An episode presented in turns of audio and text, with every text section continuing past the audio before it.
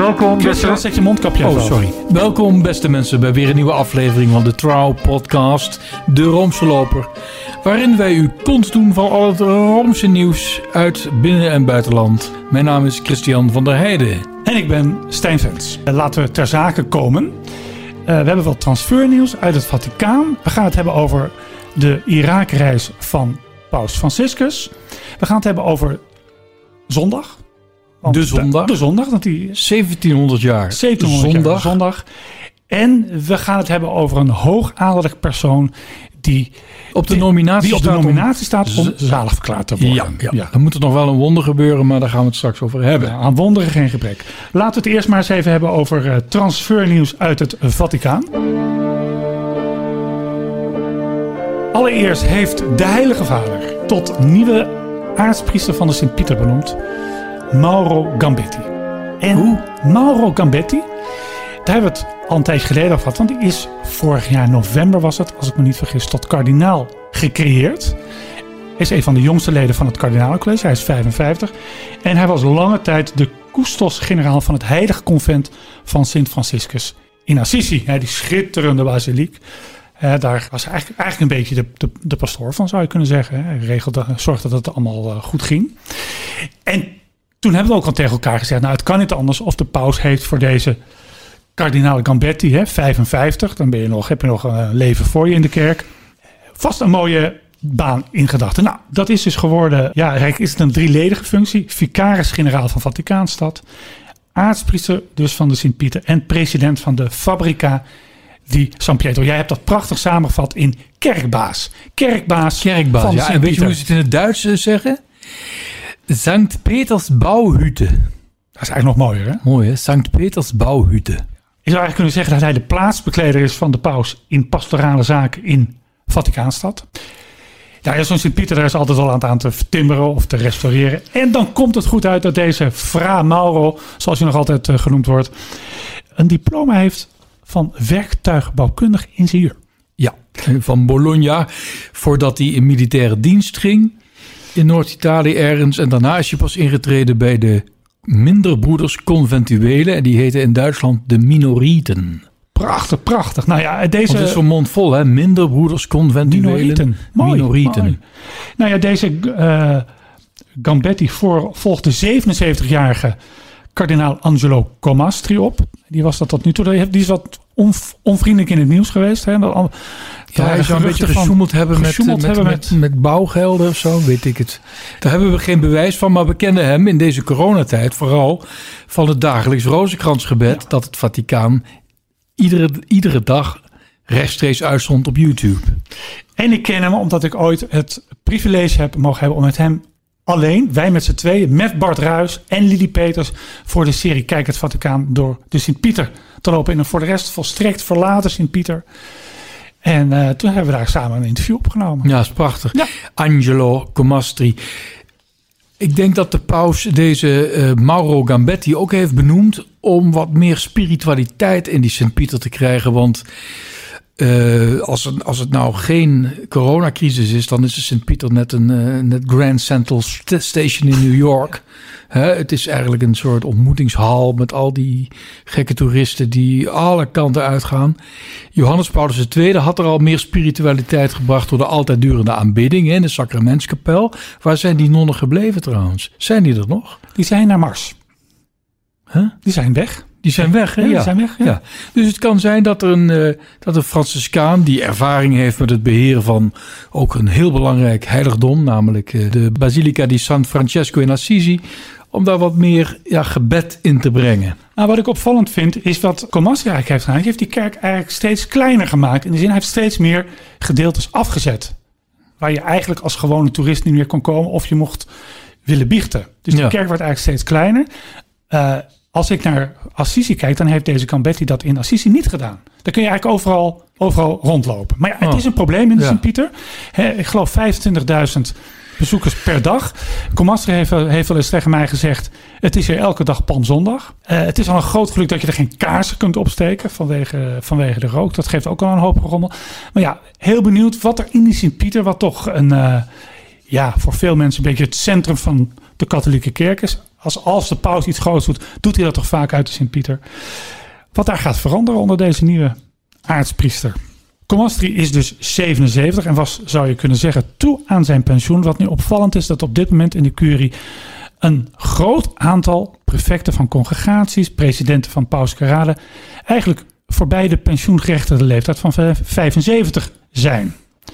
En je ziet dat de paus nu heel langzaam bezig is nieuwe mensen te benoemen of mensen ontslag te verlenen. Nou, zo heeft onlangs ook Robert Sarah, de 75-jarige prefect van de Congregatie voor de Goddelijke Eredienst en de Sacramentendisciplinen, zijn ontslag gekregen. Nou, dat zat er ook al een tijdje aan te komen. Hij was dus, uh, werd eigenlijk door, door deze paus ook buiten een aantal zaken gehouden.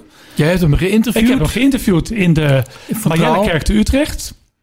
En dat ging meer over zijn visie op het westelijke, op de westerse, westerse samenleving. Daar heeft hij geen al te fijne woorden voor over. Hij vindt dat we eigenlijk de hele christelijke boodschap verkwanseld hebben. En hij doet hij toch op, op met ethische zaken omgaan. Hij zegt, ik heb ooit van jullie het geloof uit het Westen ontvangen. Nou, daar komt uit Afrika. Ja, hij komt uit Guinea. Uh, was ooit volgens mij de jongste aartsbisschop in de Rooms-Katholieke Kerk. 34 jaar was hij toen hij werd tot aartsbisschop van Conakry werd benoemd. Hij zei, ik heb ooit dat geloof van jullie ontvangen. Jullie hebben het eigenlijk verkwanseld en ik kom het jullie alleen maar teruggeven. Ja. Nou, hij was, dat, tenminste dat hij, en het mooie was, dat interview begon. Hij zei, ik, ik zet mijn telefoon aan, want ik neem mijn interviews altijd op. Toen zei hij, voordat ik begin wil ik het volgende even kwijt. Er wordt vaak gezegd dat Paus Franciscus en ik ruzie hebben of dat we het nooit eens zijn. Dat is niet waar. Ik ben, daar is niets van waar. En dan, wil ik niet dat dat in het interview komt. Hmm. Nou, nou zijn er wel een aantal momenten geweest waarop de twee duidelijk andere standpunten hadden. Dus het was ook een beetje een vreemde opmerking. Maar goed, hij heeft eigenlijk gewoon de hele rit mogen volmaken. na een glanzende carrière, moeten we toch zeggen, in de curie. Twintig jaar lang. Hè? Twintig jaar lang. Is begonnen als secretaris van de congregatie voor de evangelisatie van de volkeren. Later president geworden van Cor Unum, zeg maar het Vaticaanse ministerie van Ontwikkelingssamenwerking. En sinds 2014 prefect van die congregatie voor de eredienst en de sacramentele discipline. Maar nu is er één ding vreemd. Sarah is ontslag verleend. Dat is keurig vermeld in het Bollettino, in, het, in de dagelijkse mededelingen van het Vaticaan, maar hij heeft nog geen opvolger. Dat is inderdaad vreemd. Meestal wordt er dan tegelijkertijd een, een opvolger benoemd. En er is nu niemand, maar er zou wel al een kandidaat op het oog zijn. Heb jij vernomen uit jouw Ja, ik heb eh, vernomen anonieme uit mijn, bronnen. Uit mijn anonieme bronnen, waar ik dus uh, ja, voor de rest niks over kan zeggen. Dat de tweede man op die congregatie voor de eredienst, een Engelsman, Arthur Roche of Arthur Roche, hoog op de nominatie zou staan om de boel over te nemen. Maar ja, dan is vreemd. En waarom heeft Franciscus hem dan niet meteen benoemd? Ja, dat is raar. Uh, nu heeft het er de schijn van dat de paus er eigenlijk zo snel mogelijk van die man af wil. Hij is ook pas 75. Je weet, je moet als je 75 bent als bisschop, maar ook als curieprelaat je ontslag aanbieden. Maar deze paus heeft aan conservatievere prelaten, die al bijna 80 zijn, nog steeds geen uh, toestemming gegeven om met emeritaat te gaan. Ik noem een uh, kardinaal Stella, die bepaald geen uh, vriend is of sympathisant is van, laten we maar zeggen, D66. Ja. Ja, dus die zit er ook. Dus Sarah kan wel zeggen dat het tussen hem en de paus allemaal goed botert. Maar dit bericht over de aanvaarding van zijn ontslag. Ja, daarvan zou het publiek kunnen zeggen. Misschien is de paus blij eindelijk van hem af te zijn. Nou ja, een reden daarvoor zou toch kunnen zijn die onverkwikkelijke geschiedenis met dat boek over het celibaat. Hè? Ja. Hij wilde een boek schrijven over het uh, celibaat. Heeft toen emeritus paus Benedictus om een bijdrage gevraagd. Eh, dit even volgens de lezing van Sarah. Benedictus zou ook, ook geweten hebben dat dat in een boek terecht zou komen. Dat het een boek van hen samen zou worden. Nou, toen kwam dat boek uiteindelijk uit. Eigenlijk op het moment dat Franciscus aan het nadenken was... wat hij moest met het verzoek van de synode over de Amazone... over uh, gehuurde priesters... Uh, kwam op een heel ongelukkig moment dat boek van Sarah en Benedictus. Nou, grote consternatie. Uiteindelijk is Benedictus weer van de cover verdwenen. Ja, en waarom was dat, dit zo'n rel? Omdat de uitspraken van Benedictus de 16 in dat boek zouden interfereren ja. met uh, het te voeren beleid van Franciscus. Maar de paus heeft het helemaal niet veranderd. Nee. Dus, dus ik denk dat het weer zo'n verhaal is geproduceerd door tal van... Uh, ja, media die eigenlijk deze paus linkser achten dan dat hij is. Ja, nou ja, daarom laat hij, heeft hij misschien wel heel veel... en eh, ik doe er soms ook aan mee. Ja, ik ook. En het is heel fijn. Het voelt ook ontzettend goed gewoon. Hij heeft misschien wel heel veel ehm, respect voor Stella. Ook al zijn ze het over een aantal andere dingen niet met elkaar eens. Ja, die, die, Die kardinaal Stella. Benjamino Stella. Benjamin, ja. Nou goed, dat, eh, en dus de verwachting is dat er in de komende weken of komende maanden Ja. nog, meer nieuwe, nog meer benoemingen komen in de curie. Zodat als deze paus toch op een gegeven moment besluit het is genoeg of hij gaat naar zijn schepper, dat die hele top van die curie inmiddels vervangen is.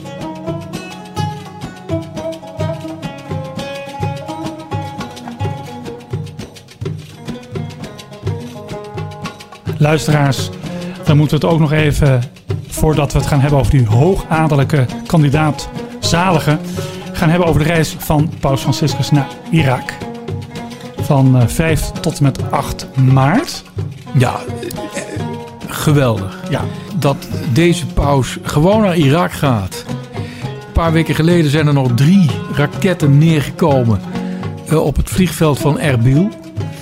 Dus dat dreigt daar altijd eh, terreur. Bovendien is er nog een corona-epidemie. Veel heiligdommen in Irak zijn op last van de regering gesloten. Die worden dan speciaal voor de paus geopend. Daar zullen veel mensen bijeenkomen om de paus te onthalen in deze coronatijd. Dus dit is uniek. Ook natuurlijk omdat het het allereerste apostolische bezoek is, pausbezoek is aan Irak. ja, en het is ook de eerste buitenlandse reis van Paus Franciscus sinds november 2019. Toen ging hij naar Thailand en Japan. Het is in totaal de 33ste buitenlandse reis. Ehm 2020 is de kalender van de paus helemaal schoongeveegd. Toen is hij nergens heen geweest. Ja, nog even, wat, wat versta jij onder buitenlands? Ja, Ja, nee, we moeten ja, precies wat zijn. zijn. Ja, dat bedoel ik dus buiten Italië. Buiten Italië. Buiten Italië. Ja, Ja, ja, ja. dan bedoel ik buiten Italië. Terwijl eigenlijk als de paus de grens van Vaticaanstad o- overschrijdt, dan, dan is hij ook in het buitenland. Maar ja, als je de, zelf de, de muur van het Vaticaan langsloopt, dan loop je het ene moment in Vaticaanstad en het andere moment Ja, maar het in buitenland... Italië. Ik zou Ja. willen dat, dat de rijdende rechter daar een keer met de mensen van het kadaster eens aandacht aan zou besteden. Maar goed, eh, jij benoemde al de, kijk, de gevaren bij deze reis komen van vele kanten. Jij noemde al eh, de terreur, de pandemie. Natuurlijk ook de gezondheid van de paus zelf. Ik moet zeggen, hij heeft de afgelopen tijd toch een aantal plechtigheden uit moeten stellen vanwege de ischias. Dus dit gaat ook veel, fysiek ook veel vragen van deze paus. Maar los daarvan, het is eigenlijk geweldig dat hij gaat. Er wordt altijd bij pausreizen of tegenwoordig wel heel vaak gezegd dat dit van alle reizen misschien wel de meest ingewikkelde is. Dat, eh, dat Ja. ze, ze reizen naar de Caucasus, de reis naar, naar Burma en naar Myanmar. Het is geweldig dat de paus deze reis naar Irak onderneemt. Een reis vol gevaren. Wij gaan nog niet eens naar het drie landenpunt. Eh, hij- de paus is gevaccineerd. Zijn hele gevolg moet ook gevaccineerd zijn. Dat geldt ook voor de journalisten die meegaan. Ter plekke hè, moet daar zijn natuurlijk allerlei veiligheidsmaatregelen van kracht. Er zijn in Irak geloof ik 13.000 mensen aan COVID overleden. Bij pauske plechtigheden moeten de bezoekers, de gelovigen, afstand bewaren. Ze moeten een mondkapje dragen. Eigenlijk zou je kunnen zeggen dat die reis twee doelen heeft. Allereerst de christenen die daar nog wonen en leven, een hart onder de riem steken. Dat zijn er niet meer zoveel. Voordat de Amerikanen het land binnenvielen in 2003 waren er nog anderhalf miljoen christenen in Irak. Nu zijn dat er 500.000 naar schatting. Nou, dat zijn, betekent dus dat er twee derde is of vermoord of heeft de biezen. Gepakt. Gepakt. Men spreekt ook over een grote exodus hè, Ja. van christenen. Nou ja, het, en tegelijkertijd is ook een belangrijk doel het bevorderen van de dialoog tussen moslims en christenen. En daarom gaat de paus op 6 maart naar Najaf.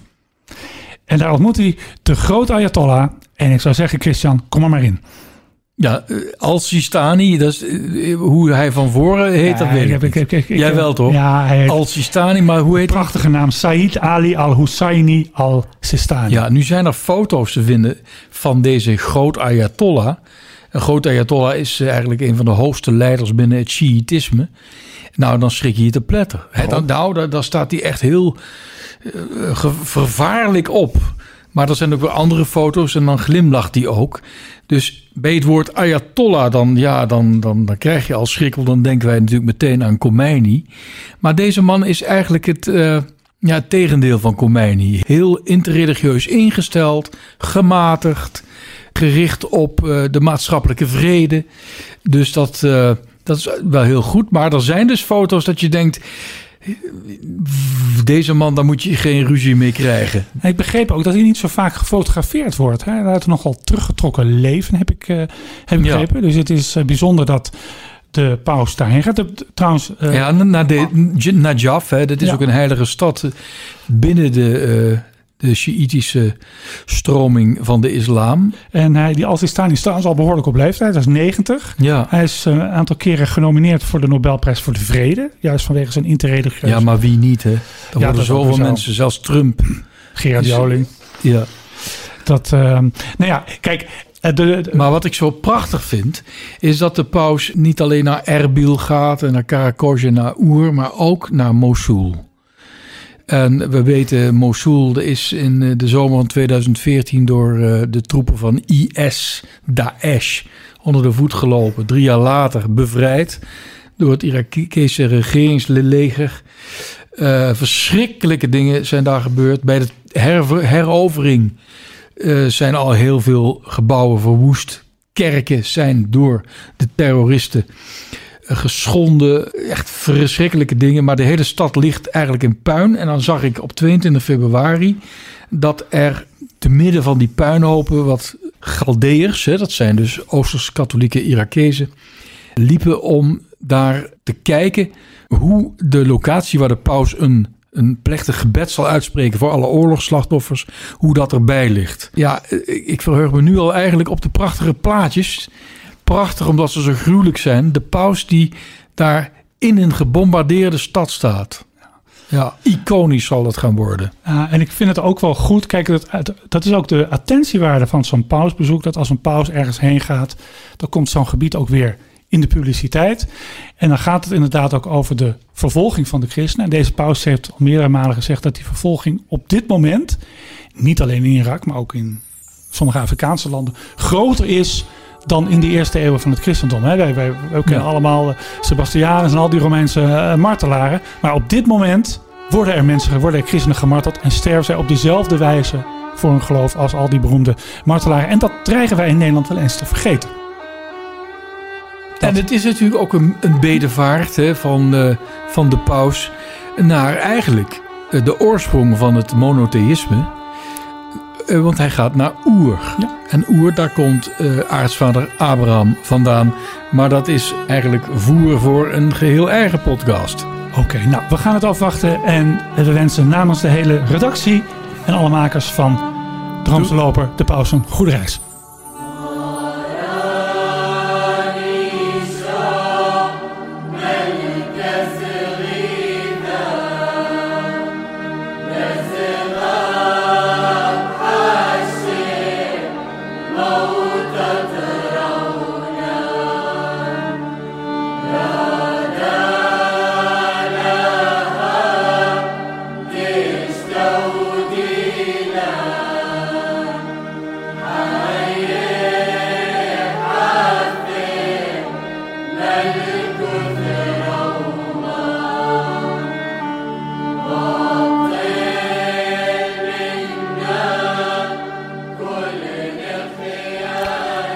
Het christendom herdenkt begin maart dat het 1700 jaar geleden is dat keizer Constantijn I, beter bekend als Constantijn de Grote, de zondag verhief tot verplichte rustdag.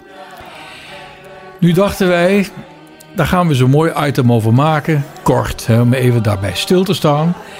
Bij nader inzien bleek dat dit zulk een ingewikkeld onderwerp is. dat we de gelegenheid alleen maar even willen melden. dat de zondag als christelijke rustdag 1700 jaar bestaat. En dan nog maar, ja, bij sommigen natuurlijk eh, wordt het gehandhaafd als rustdag. Maar dat is een enorm ingewikkelde kwestie. Maar Die Christian, maak ik eigenlijk al te veel woorden Ja. aan vuil. Ja? maar Christian, we gaan het gewoon niet uitleggen. We gaan, gaan het niet uitleggen. Het is te ingewikkeld. Wat ik nog wel even wil zeggen, dat het zo raar is dat namelijk voor eh, christenen is de zondag de achtste dag. Hè, Sabbat plus één is de dag des heren. Maar in het wereldlijke schema is zondag de zevende kalenderdag.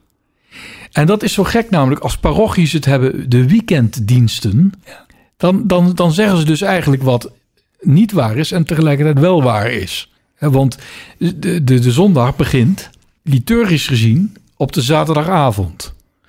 Dus dan kun je eigenlijk niet zeggen van dat de, de zaterdagavondmis een weekenddienst is. Snap je? Ja, ik snap het. Dus dan gebruikt men een term uit eh, het wereldlijke jargon en past het toe op het christelijke spreken over de tijdsindeling. U merkt het al, luisteraars. Dit is zo ingewikkeld. Daar gaan we het wellicht over een volgende keer over, over hebben. En misschien halen we er dan wel een echte expert bij.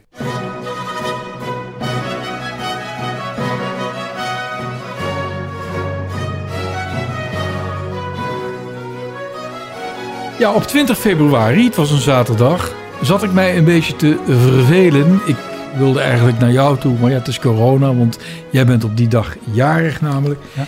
Dus ik denk, eh, laat ik maar even kijken of er al iets nieuws is. Of er al een nieuw Bollettino Vaticano is verschenen. Het dagelijkse verschijnen bulletin van de Heilige Stoel. En ja hoor, daar was weer een bericht van de Congregatie voor de Heiligverklaringen.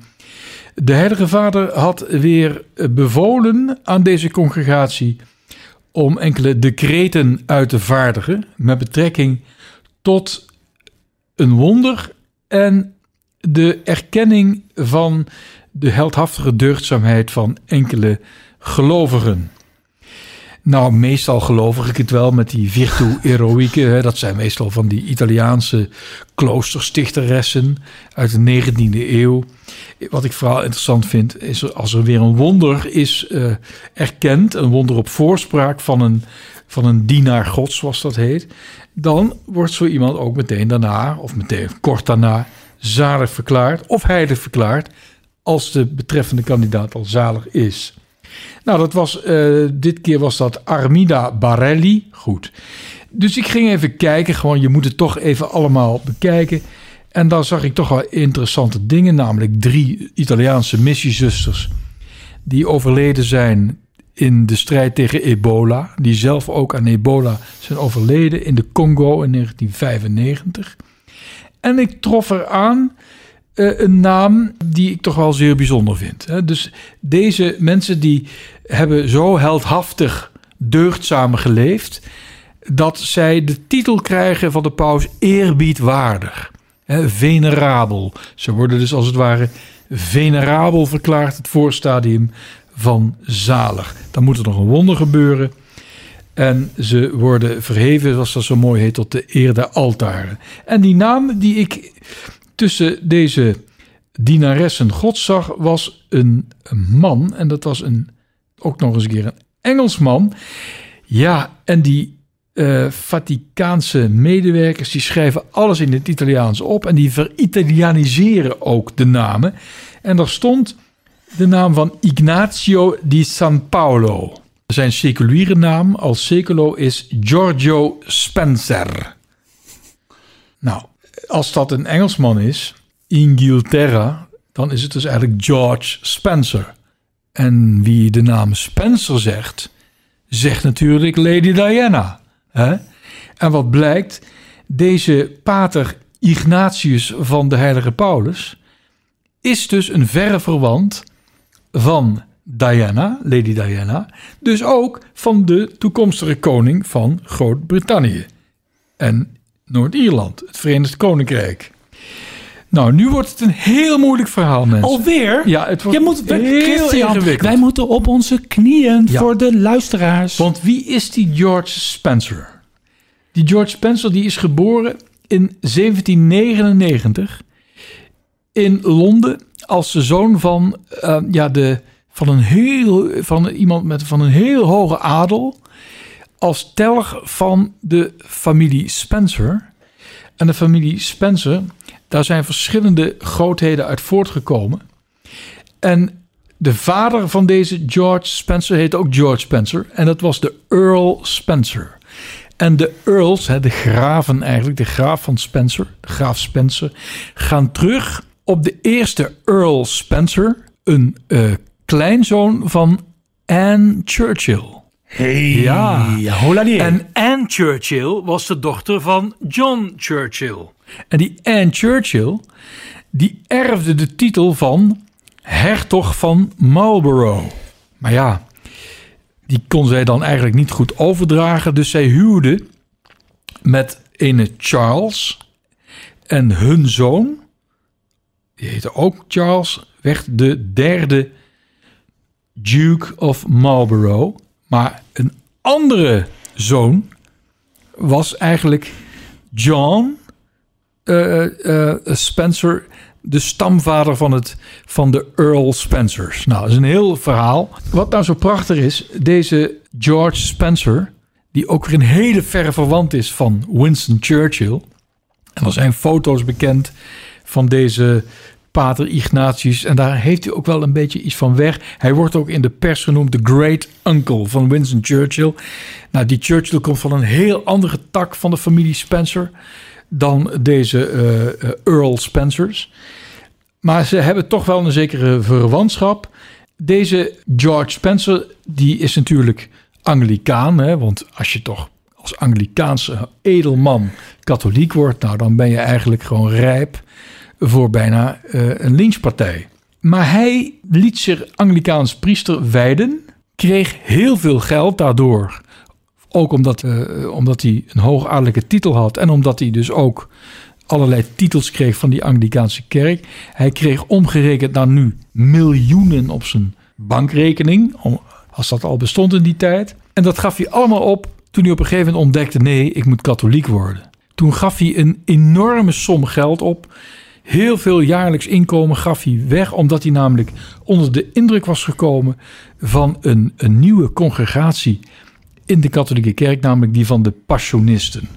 En zoals je weet hebben de Passionisten heel veel gemissioneerd in Engeland, maar ook in Ierland. En bijvoorbeeld Oscar Wilde is op zijn sterfbed katholiek geworden, was een Ire Oscar Wilde, en gedoopt onder voorwaarden door een passionist. En we hebben natuurlijk Karel Hoeben, ook een passionist die ook dus in het Verenigd Koninkrijk en Ierland heeft gemissioneerd. Vragen? Nou, ik, eh, ik zit ademloos te luisteren. Ja, want het is een heel ingewikkeld Ja, het is verhaal. wel ingewikkeld. Maar je gaat proberen op je knieën te gaan. nee, maar Echt, die, die nou. stamboom is natuurlijk interessant, juist omdat die Spencer zo hoog adellijk was. En dus omdat hij katholiek werd en omdat hij ook katholiek priester werd en intrad bij deze nieuwe congregatie, ja, kwam hij eigenlijk helemaal aan de rand te staan van de Britse samenleving. Moet je nagaan wat een enorme, wat een enorm offer hij moest brengen voor zijn geloof. Hij eh, was ook betrokken eigenlijk bij de bekering van een andere Anglikaanse priester, John Henry Newman, die zich later bekeerde tot de katholieke kerk. Goed, deze man is uiteindelijk in Schotland overleden eh, aan een hartaanval. Hij was de, had gelofte van armoede afgelegd. Hij verheerlijkte, zou je bijna kunnen zeggen, het lijden van Christus. Hè, daarom heet die congregatie ook de congregatie van de passie. hè, CP, oftewel passionisten. En toen is hij aan een hartaanval in alle eenzaamheid gestorven ergens in de buurt van Carstairs, plaatsje in Schotland. En toen is hij, zo lees je dan in eh, een van zijn biografieën, toen is hij gestorven in a ditch. Een Dutch. In a ditch. En een Dutch. Dead in a ditch. Ja, een Dutch. En wie denkt aan dead in a ditch, die hoort Boris Johnson dat ook zeggen. Luister maar even. Can you make a promise today to the British public that you will not go back to Brussels and ask for another delay to Brexit? Yes, And sorry. I can. And would you I'd rather? rather, be, I'd rather be dead in a ditch. Nou, we kennen natuurlijk Boris Johnson ook weer als de grote biograaf van Winston Churchill. Hè, daar is hij heel rijk mee geworden, Boris Johnson. Zeer goed verkocht, eh, dat boek over Winston Churchill. En dan is de cirkel weer een beetje rond. Maar voor Boris Johnson was sterven in een ditch, in een greppel, het ergste wat er is. Nou, nee, erger is natuurlijk dat de brexit niet doorgaat. Maar daaronder komt dus sterven in een ditch. Maar voor Ignatius Spencer was dit eigenlijk de geëigende manier om te sterven, namelijk verlaten in alle eenzaamheid, zijn Heer achterna richting de glorie. And your footsteps will always fall here along England's greenest hills. Your candles burned out long before. legend ever will. Luisteraars, dit was het weer. Tot binnenkort.